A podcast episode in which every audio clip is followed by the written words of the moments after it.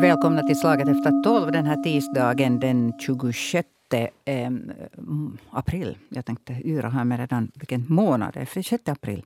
26 april. Alltså. Och vi ska diskutera Åland. Nämligen Åland är ju demilitariserat. Men ögruppen ska försvaras av Finland i fall av krig. Det finns de som tycker att Finland borde stationera militär på Åland. Men frågan är väldigt känslig. Och är den så känslig att den helst inte borde diskuteras alls? Den frågan ställer vi här i Slaget efter tolv idag. Och då välkomnar jag med dagens gäster. Jag har med mig per telefon från Åbo överste i avsked, Anders Gardberg. Välkommen. Tack, tack. Och uh, i en studio i uh, Mariehamn sitter statsvetare Göran Djupsund som också är bosatt på Åland numera. Välkommen. Tackar, tackar. Och Sia Spiliopoulou äh, Åkermark som är äh, från Ålands äh, fredsinstitut, forskare och direktör där. Välkommen. Tack så mycket. Ja, det där, den här frågan är ju verkligen aktuell nu i och med att riksdagens talman Matti Vanhanen på söndagen eh, tala någonstans, höll ett tal. Och eh, så var det en liten tidning som plockade upp någonting som han sa där i sitt tal. Och sen hamnade den lilla tidningens nyhet på Helsingin Sanomat och mitt i allt var det toppstoff igår i nyheterna. Nämligen att han eh, föreslår att han önskar att ålänningarna själva nu skulle ta initiativ till att få så att säga stationära militära styrkor på Åland. Och han, han alltså uttryckligen önskat att ålänningarna själv skulle ta initiativ till det här. Nu ska vi understryka att Matti Vanhanen efter att det blev ett himla hallå om det här så eh, drog tillbaka och sa att det var ett missförstånd. Det, att han menar inte riktigt så. Men sagt var sagt och eh, det räckte till starka eh, repliker på olika håll och synpunkter på det här. Bland annat sa, sa då lantrådet eh, som leder då Eh, landskapsregeringen Veronica Törnros sa mycket bestämt i, i våra nyheter också här att militära styrkor på Åland blir det först när ålänningarna själv alltså ber om det. I och för sig så var det väl det som Matti Vanhanen där hade önskat sig. Eh, nu ställer jag först frågan till Sia eh, Spiliopoulou eh, Åkermark. Eh, varför denna kaxiga attityd? Varifrån kommer den? No, det är ju en väldigt, en väldigt um het och tillspetsad situation förstås vi befinner oss i, särskilt sedan förra veckan när eh, den säkerhetspolitiska redogörelsen kom och alla de här frågorna har förstås blivit väldigt aktuella. Och till din ursprungliga fråga så bör det diskuteras. Eh, och jag tycker att det är fantastiskt roligt att, vara i just den här panelen som du har samlat Bettina. För att den påminner om, om, om Clausewitz tes om att en sån situation måste diskuteras juridiskt och det är min expertis, det folkrättsliga. Vad finns det för internationella avtal? Vad finns det för regler i det finländska systemet? Eh, det måste diskuteras politiskt och, och vi har Göran här som den stora experten. Och sen har vi Anders Gardberg med försvarssynpunkterna. Så en, en sån fråga som eh, säkerhetspolitiska redogörelsen och Ålands situation, den måste belysas från alla de här synpunkterna och definitivt bör diskuteras. Mm, att sen Vanhanen eh, uttryckte sig som han gjorde, det, det, får han själv reda ut exakt vad han sa. Eh, men från min horisont, folkrättsligt, så är det helt klart att Åland har inte en statsmaktsposition i avtalen. Det är staten som, stater som är med och har undertecknat och det folkrättsliga systemet gäller för, enligt folkrättsjuristerna nu också, för alla de stater som berörs genom sedvanerätten. Men det finns också starka kopplingar mellan självstyrelsen och försvarsfrågorna, alltså demilitariseringen och neutraliseringen. Jo, och kan... det är en sån aspekt som vi, vi säkert diskuterar nu. Jo, alltså absolut. Vi försöker bena ut det här på de 40 minuter ungefär vi har på oss här. Men, men alltså, eh, nu vill jag eh, faktiskt, eh, jag vill fortsätta faktiskt med Göran Djupsund, för att nu betonar du där att det är jätteviktigt att den här diskussionen förs. Och, och nu vet jag att Göran Djupsund är en av dem som har försökt föra den här diskussionen. Hur, hur går det? No, det går väl ganska, ganska bra, men först måste vi vilja betona liksom att världen efter den 20 fjärde i andra ser inte likadan ut. Alla processer ser annorlunda ut och vi måste fundera kanske på annorlunda sätt att vara öppna för en, för en ganska förutsättningslös diskussion om det mesta, även i försvarspolitiskt och säkerhetspolitiskt hänseende. Sen om det här Vanhanens, Vanhanens utspel, om vi kallar det så, så han var inte den första, utan en eller två dagar tidigare så hade den ledande forskaren på Utrikespolitiska institutet Charlie Salonius Pasternak så såg jag en tweet av honom var han faktiskt skrev det, eller föreslog direkt trupp, trupper på Åland. Om, om både hans utspel och Vanhanens utspel så skulle jag egentligen ha två saker att säga. Jag tycker de är problematiska ur två perspektiv. Det ena problemet har att göra med tajmingen och det andra har att göra med forum för utspelet. Och tajmingen så är helt enkelt den att Finland befinner sig just i riksdagen diskuterar man det säkerhetspolitiska framtiden och okej, okay, utan, utan att hymla så kan vi ju säga att det handlar ganska långt om Finlands ansökan om ett NATO-medlemskap. Och i den här situationen kommer med sådana här utspel tycker jag visar att man har en ganska dålig bedömningsförmåga. Det kan strula till hela, hela den process som, som förs nu i riksdagen och även internationellt. Så att jag tycker att tajmingen var dålig. Och vad forum beträffar så menar jag att okej, okay, den här frågan, till exempel om Ålands demilitarisering, den kan och bör diskuteras, men den ska inte diskuteras just nu offentligt, utan det är bakom stängda dörrar. Alltså representanter för den finländska statsmakten, försvaret och så vidare bortåt, ska gärna och gärna diskutera det med åländska motparter, med åländska landskapsregeringen och åländska beslutsfattare. Men vi ska inte tuta ut det nu på, på, på torget så att säga, för att tajmingen är helt enkelt fel.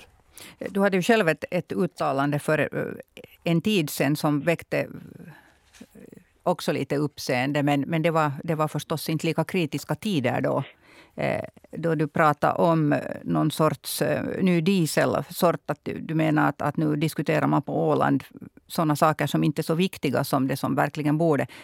Jag kommer inte exakt ihåg hur du, hur du uttalade men hur blev du bemött på det eh, utspelet? Jag fick inte något desto tyngre kritik. Folk kunde, kunde säkert tycka vad som helst. Det var i den situationen när den ryska flottan flytt, flyttade krafter från Kolahalvön till Östersjön. Ja. Och, det var akut på Gotland, så jag tycker att man kunde börja diskutera på Åland också. Hur ser Ålands strategiska position ut och så mm. vidare bortåt. Och, och jag tycker det som det väckte kanske så var en, en diskussion och kommentarer från finländska försvarsmaktens sida, var man betonat att vi har full beredskap att, att försvara Åland. Och det var det, var det officiella så att säga uttalande från den sidan. Och jag tyckte det kändes ganska betryggande det var ett bra resultat av, av mm. det utspel jag gjorde. Nu vill jag ta in Anders Gardberg, överste i avsked och före detta brigadkommendör. Eh, välkommen än en gång med. Du är med per telefon och vi hoppas att, att allting funkar som det ska där i, där i Åbo. Det där, eh, vad säger du om det här Ålands... Alltså nu säger man att jo, att allt är under kontroll, eh, att vi har full kapacitet att försvara Åland. Eh, vad, vad, säger du om de här uttalandena? Ja, ja, även om jag inte är i tjänst längre sen, sen, mm. sen sju år. Och, och det är kanske en, en av orsakerna också att du inte fick någon från Försvarsmakten mm. hit. Att, att det där, ur Försvarsmaktens synvinkel, jag håller helt med dem. Så att, att liksom, det, det, här är inte kanske nu den rätta tidpunkten att, att diskutera det här. Eh, det, det hävdar också marinchefen för några, några veckor sedan som, som Göran nämnde. Eh, Försvarsmaktens kommendör Timo Kivinen så sa det här i, i helgen, vill jag minnas, i, i MPV3 att, att det här är inte på, på Försvarsmaktens agenda. Och, och orsaken är ju det att, att eh, Försvarsmakten alltså Finland har ett, ett, en, en skyldighet att försvara Åland precis som vilken annan del av, av, av riket. Men eh, man, har, man, man har planer, man har trupper, man har en beredskap, men det är ingenting som man heller går ut att, och, och, och det där eh, basunerar ut. Men eh, däremot så tror jag att det är liksom kontraproduktivt och det är kanske typiskt är att det, nu är det forskare och politiker Eh, och då det här Vanhanens utspel så, så gav ju också en sån här eh, in, input av, av många förståsigpåare som, som direkt gick ut och, och tittade att oj då, att tänk vad, vad Åland är, är, är det där utsatt och, och det där hotat. Jag vågar hävda att, att idag där dels stora delar av marinoffensivbrigaden i Kaliningrad och i, i det där äh, Kronstadt och, och likaså den här luftlandsittningsdivisionen i Pskov som sannolikt har varit de som, som skulle haft Åland som sin första, första uppgift.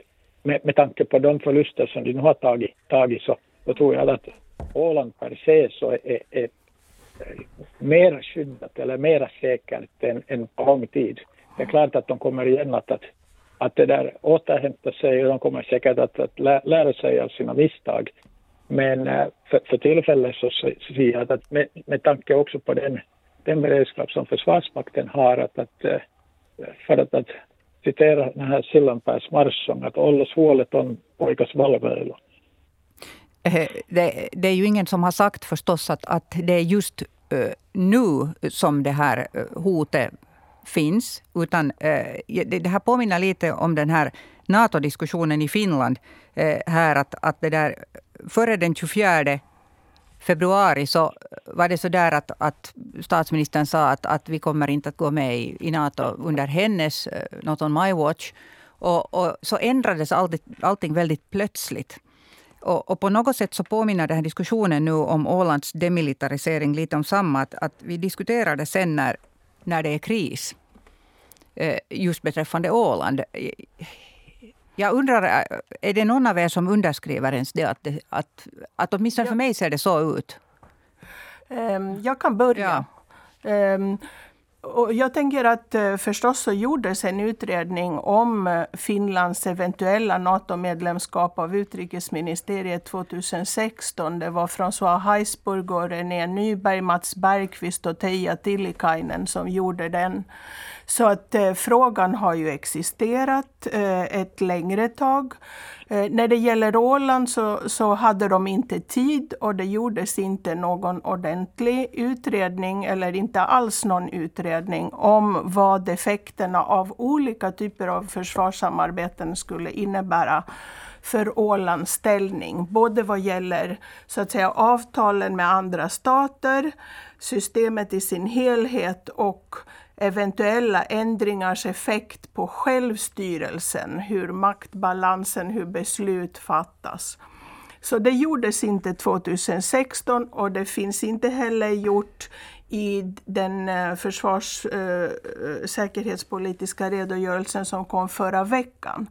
Och min eh, främsta poäng är att, eh, om vi till exempel ska lyssna på Peter Stenlund och Mats eh, Lövström som nyligen eh, säger man ska inte lägga alla sina ägg i en korg, man måste, måste hålla många dörrar öppna och använda sig av olika kombinationer. Då måste man utreda vilka blir de potentiella effekterna av dessa olika samarbeten på Åland så att man vet för det första hur ska saken bestämmas i den eh, nära diskussion som Göran efterfrågar.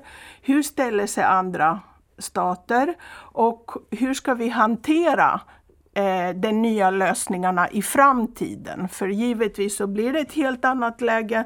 Nu har Åland och eh, statsmakten funnit en väg att kommunicera kring de säkerhetspolitiska och försvarsfrågorna som jag bedömer fungerar ganska bra. Vi har inte sett större problem, inte heller från ryskt håll med Ålands demilitarisering och neutralisering eh, efter det kalla krigets slut. Så nu finns det så att säga möjlighet att, att fundera hur ska det fungera i framtiden. Vad, vad är det för process du talar om nu när du säger att det ska diskuteras här och det ska diskuteras där? Tar det flera år? Eh, det finns inte flera år just nu, Nej. så nu gäller det att, att äh, agera relativt snabbt. Både Åland ska agera, att definiera vilka frågor är det man måste ha svar på. När jag såg i, i Ålandstidningen datumet var den 13 april. Då hörde man eh, sig för med lagtingsledamöterna hur de skulle ställa sig till ett eventuellt NATO-medlemskap. Så kan vi säga att generellt så är det ju positivt. Men nästan alla säger under förutsättning att Ålands ställning säkras. Så att nu gäller det att hitta hur det ska göras eh, i de olika säkerhetspolitiska lösningarna. Mm, Göran Djupsund, vad tänker du?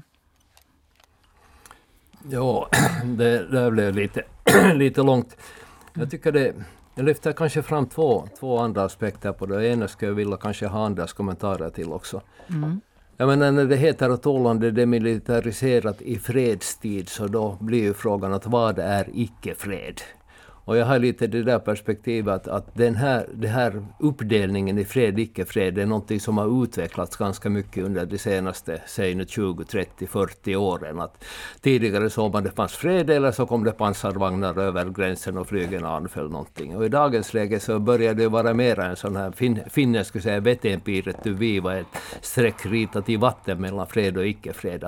Och vem ska definiera om Finland lever i fredstid? Ja, enligt mitt förstående så den process inom den finländska statsmakten var presidenten väl den som deklarerar slutligen att Finland inte längre är i fred utan befinner sig i krigstillstånd.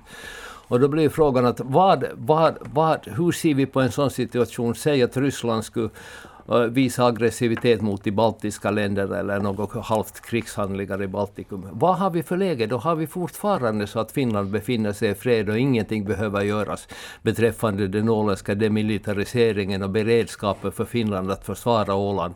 Eller är det här den här moderna världens krisläge var Finland kunde konstatera att i och med att Östersjösäkerheten är hotad så har vi möjlighet och rätt och skyldighet att förbereda försvaret av Åland Åland även med att det som nu då behövs om det ska sättas lite trupp här eller marinen ska röra på sig. Jag tycker det här är en sån här lite ny problematik i förhållande till de här gamla, gamla, gamla bestämmelserna och gamla, gamla avtalen. Vad är fred och vad är icke-fred? Ser du Anders att det här har någon relevans för den här demilitariseringsdiskussionen? Eh, det, det, här, det har i hög, högsta grad relevans. Så jag tycker att istället för att, att liksom nu akademisera den här och börja, börja forska, så tycker jag att, att eh, ska jag säga, om vi utgår annars också från, från det, det finska försvarets äh, strategi numera, så också från, ur den synvinkeln så, så tror jag att, att, att Försvarsmaktens möjligheter att skydda och reagera också mot ett hot mot Åland så är betydligt bättre tack vare att, att man har betydligt nu, äh, äh man har äh, möjligheter att, att snabbt sätta in äh, trupp både till, till luft och till, till sjöss. Man har en, en, bättre läges, läges där, äh, uppföljning. Men precis som, som du sa Göran så, så äh, den här gränsen mellan ett grått, grått skede och, och krig så den är, den är, den är, den är hårfin. Äh, de här fördragen, 1921 års fördrag, så, så säger jag ju nog att, att ifall Östersjön berörs av krig, eh, att man i så fall kan, kan det där vid, vid, vidta vissa, vissa åtgärder. Men eh, speciellt tror jag att Försvarsmakten också nu har förberett sig med genom både de snabb, snabb möjligheter till att snabbt sätta in trupper men också till betydligt mer långräckviddiga system än tidigare. Så jag skulle säga att den här behovet av att ha liksom fasta äh, befästningar eller ha, ha, fast personal just på, på, på ett, ett, specifikt område, så den är, den, är, den är mindre. Jag har jämfört det här någon med, med Åbolands skärgård där, där också äh, Försvarsmakten har minskat kraftigt sin, sin, sin närvaro. Det är ingen som, som äh, för fram det här som, som är problematiskt, att det, det, finns inte, det finns inte militärtrupp i Nagu eller på Hots eller annat.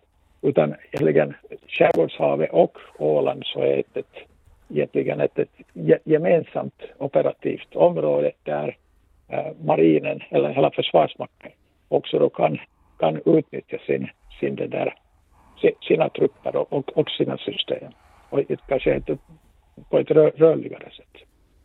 Men jag du har rätt i det att, att ja. nej, men på det sättet så, så ger jag jag ja, det där, eh, gör Göran helt rätt att, att den här gamla traditionella att, att i, i fredstid och, och krigstid så till exempel Ryssland har ju erkänner ju fortfarande inte att, att, att, att de krigar i, i Ukraina.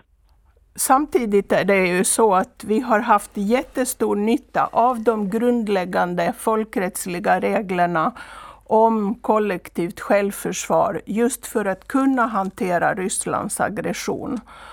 Eh, vi har utnyttjat FN-stadgan och sagt att nu är ett eh, land i vårt närområde angripet och därmed måste vi stödja det och det har på många sätt inneburit en fantastisk enighet och nu också nya system. Vi hörde just på nyheterna nya system för samordning av det kollektiva självförsvaret.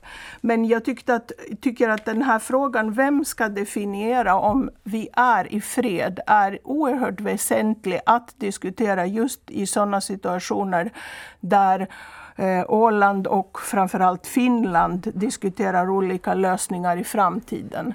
För det första så innebär Ålandssystemet eh, en, ett system av redan existerande kollektiv säkerhet. I och med att eh, Finland har möjlighet att efterfråga hjälp och stöd från alla statsmakter i 1921 års eh, konvention till hjälp Ehm, och eh, då, då, har vi inget intresse att säga upp någonting som redan nu så att säga skapar uh, en säkerhetsgaranti för oss tillsammans med det som finns i det nordiska samarbetet och inte minst i, i eh, ömsesidiga biståndsreglerna i Europeiska unionens fördrag. Och det är inte alls akademiska eh, e-, eller forskarsynpunkter som, som Anders försöker få det till. För Frankrike använder sig av det när det gäller terrorattackerna. Det har använts i praxis, det används i Ukraina just nu. Men frågan är hur ska vi upprätthålla Ålands speciella och unika, världsunika ställning som både självstyrt och demilitariserat. Jag har ett förslag. Varför mm. kan inte, varför kan inte eh, autonoma Åland ha en egen försvarsstyrka såsom hemvärnet på Gotland? Varför kan inte man själv eh, ut, liksom, ha eget intresse i den här så mycket att man tar helt enkelt trådarna i sina egna händer och utvecklar en egen eh, form av hemvärn? Ja. Jag, jag, är till, jag är ett tillägg till det här. Nämligen, äh, när vinterkriget utbröt så på en månad så, så rekryterar man ett äh, Ålands hemvärn på över tusen, tusen där vapenföra personer. Och dessutom kan man ju tillägga att, att vapentätheten på Åland så per capita är väl, om inte högst, det kan vara att Lappland har högre ut, men att i alla fall åtminstone näst högst i hela landet. Så, så det här är att hantera vapen, så, så det, det är ju någonting som äh, jag har förstått att ålänningarna lär sig redan liksom vid, vid barnsben.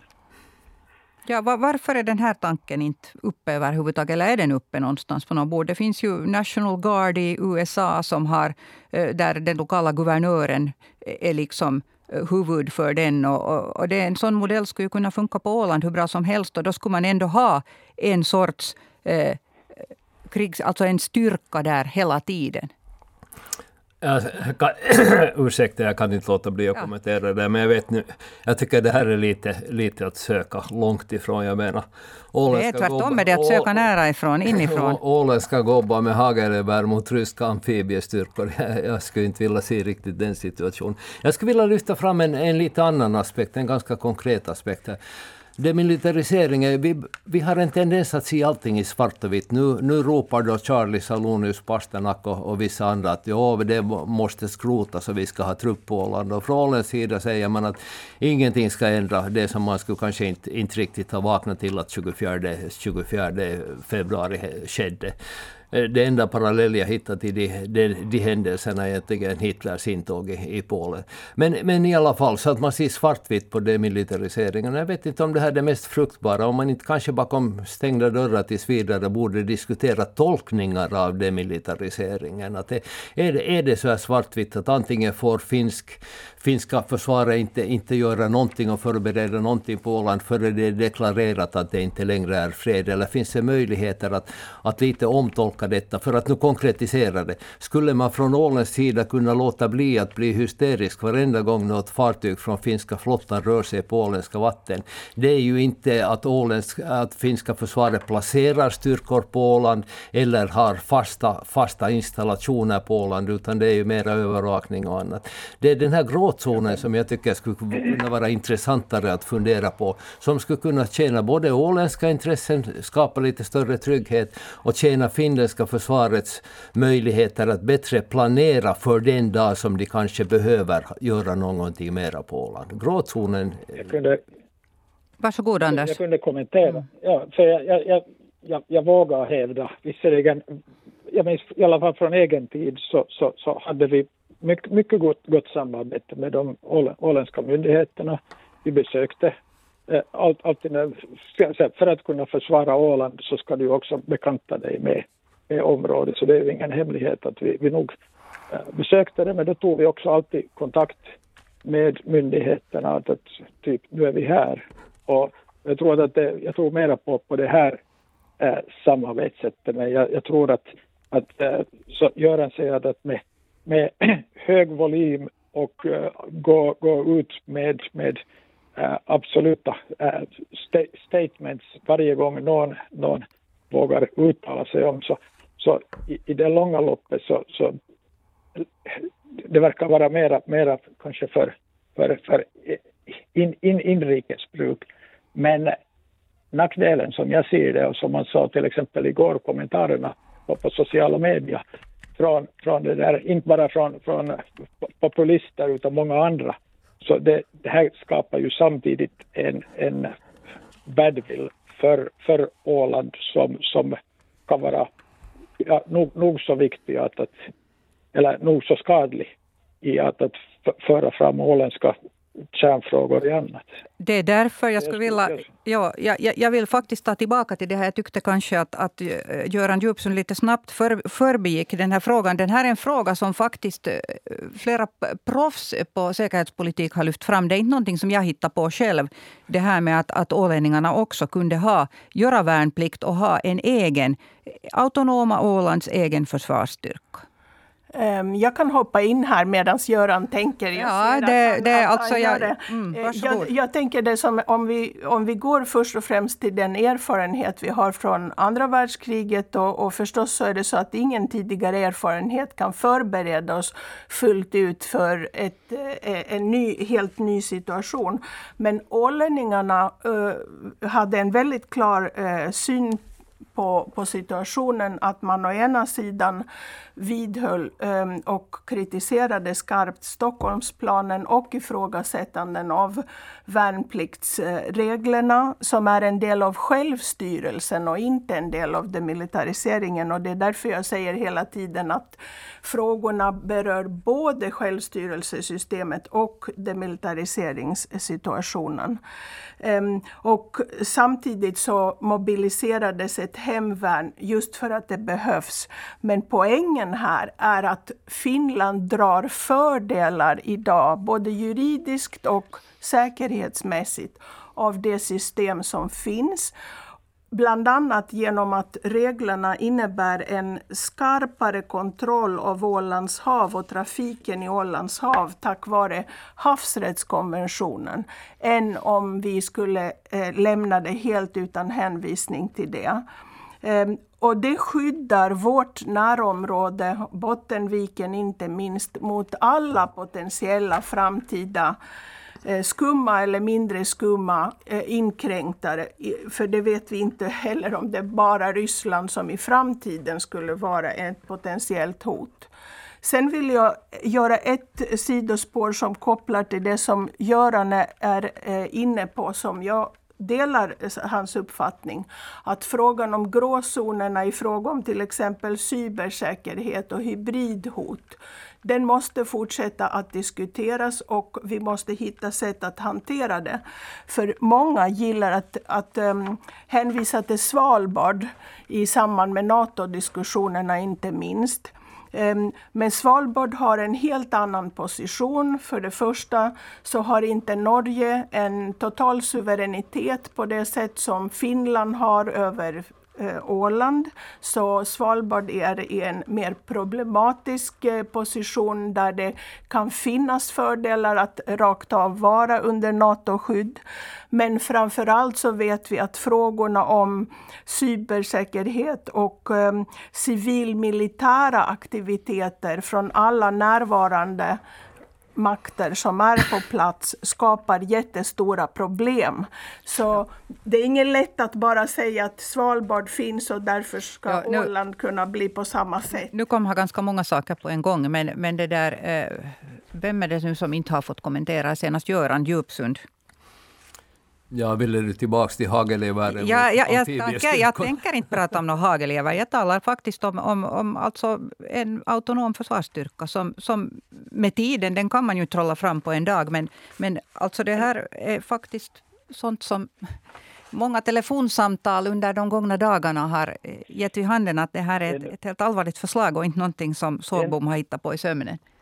Ja, men bara, bara, bara ännu för att, att nyansera ja. så att det, det, är ju ett, ett, ett stort antal äh, värnpliktiga som har gjort tjänstgjort antingen frivilligt eller för att, att de har flyttat in senare som, som har gjort. Jag minns när jag var brigadkommendör så ville Staffan Brun göra en artikel om, om, om ålänningarna i, i Nylands brigad och till vår förvåning då, vi kollade upp så vi hade tio stycken äh, ålänning som som tjänstgjorde just då, ganska många av dem frivilligt. Så nu, nu, finns det liksom potential också, också där. Eh, sen är det ju en annan sak att oberoende om det är en, en åländsk eller sånt, så det här är ju sådana såna värnpliktiga som, som Försvarsmakten redan idag kan, kan, också kan, kan det där äh, liksom, eh, utnyttja. Visst, nu Göran, Göran Djupsund. Jag var kanske lite, lite hård i min bedömning med hagelgevär och amfibiestyrka. Det är klart att lite raljerande kanske? Ja, lite raljerande, men jag tror ändå att det här är mera på symbolplanet som det här är viktigt. Det är viktigt kanske med tanke på som Anders sa, relationerna mellan Finland och Åland och bilden av Åland på fastlandet. Att skulle det komma till någonting sånt här så skulle säkert bilden av Åland på fastlandet vara lite mer nyanserad och lite mer positiv. Men jag menar att det här är ändå mera symboliskt än vad det har för betydelse rent försvarspolitiskt och försvarsmässigt. Att då är det nog det finländska försvaret som är det utan vidare det centrala i det här sammanhanget. Men får jag en bild av det finländska försvaret, alltså nu här att, att det där um um, eftersom Åland är demilitariserat, så säg att, säg att det skulle hända någonting nu på Åland eh, av de här nya eh, sorts hoten. Alltså, vi säger att, att ett fartyg som är flaggat som ett fraktfartyg eller någonting, eller ett vanligt fraktflyg eller någonting som, som eh, det är ju sådana hotbilder jag vet att militären jobbar med, eller hur? Anders Gardberg. Alltså ett, inte militärt så här direkt, utan att, att det kommer en, ett stort fartyg till exempel som är flaggat som fraktfartyg och så innehåller det något helt annat. Och, och det där, som inte alltså är eh, det här främmande eh, trupperna redan där. Varifrån kommer Finland då till undsättning? Hur? Anders Gardberg. Från Finland.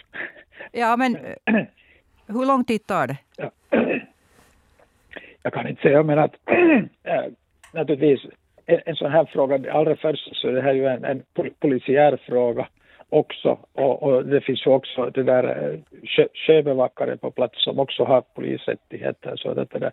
Men också eftersom, eh, ja, jag, jag minns e-, egna planer för, för, för då, snart, snart tio år sedan, men att, ska jag säga, jag vill inte gå in på på, på det här, och speciellt också det att, att eh, det finns saker som, som man, man säger publikt och det finns saker som man inte gör det. Så det, jag, går, jag går helst inte in på Ja, jag, förstår, att, jag förstår det. Det, det, finns, det, det finns en, men mm. jag kan hoppa in för jag har studerat gränsbevakningens arbete och jag känner mig väldigt lugn.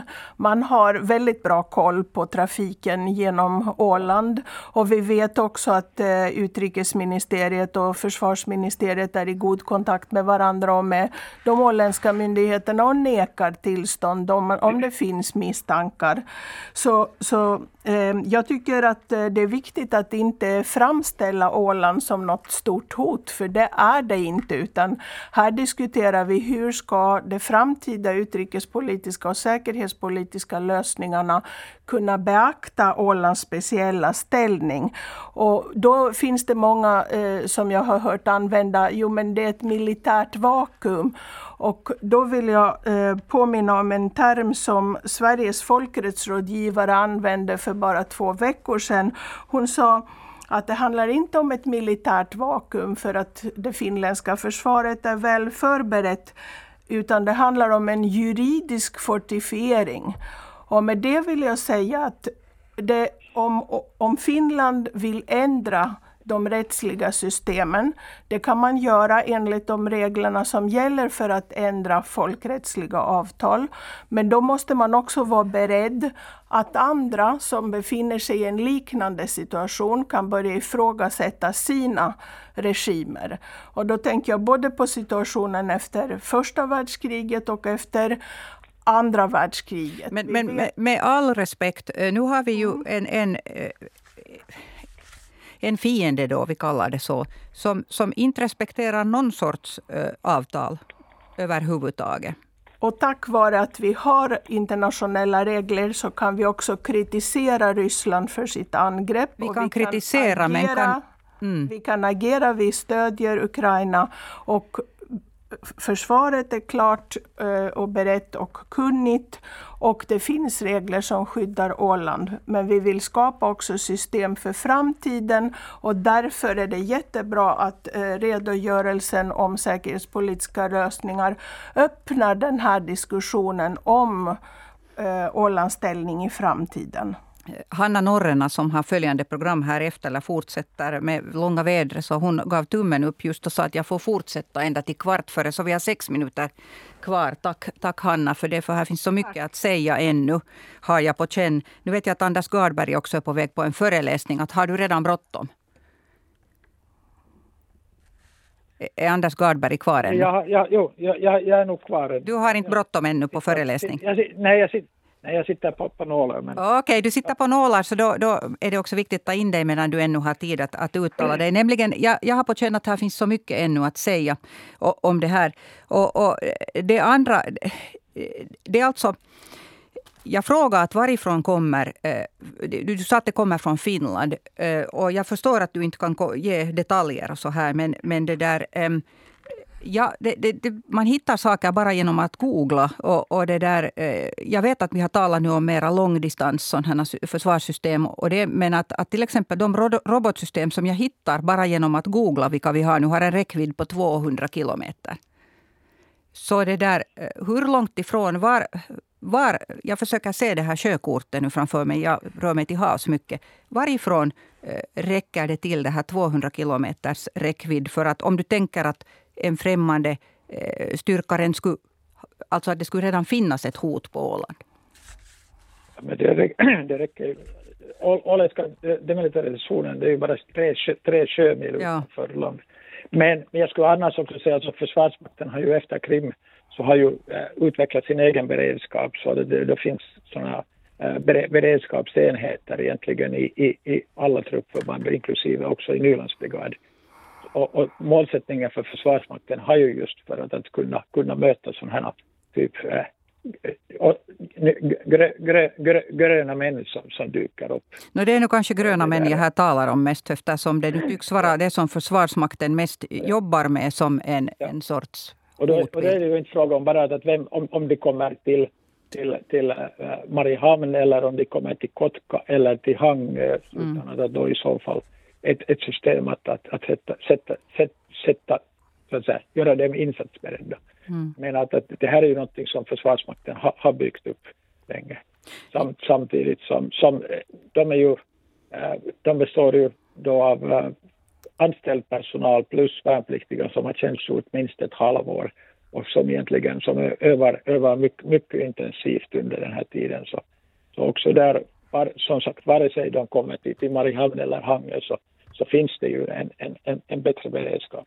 Sen det andra så är ju också det att, ha en, en, en bra lägesbild och ha, ha en, en, en övervakning så att man ska säga just i ett sådant grå, gråskede så är ju äh, dilemma det att, att normalbilden så kan vara mycket, mycket det där äh, intensiv så att då ser ur en, en typ fredsgruppering så, så, så, kan, kan också ett sådant här snabbt komma. Men eh, igen, igen så vågar jag hävda att, att, att eh, Försvarsmakten har, och speciellt sen, sen Krim, så, så har de utvecklat, utvecklats eh, mycket långt från en utbildningsorganisation till en beredskapsorganisation. Mm. Eh, nu har Göran Djupsund inte fått säga någonting på hemskt länge.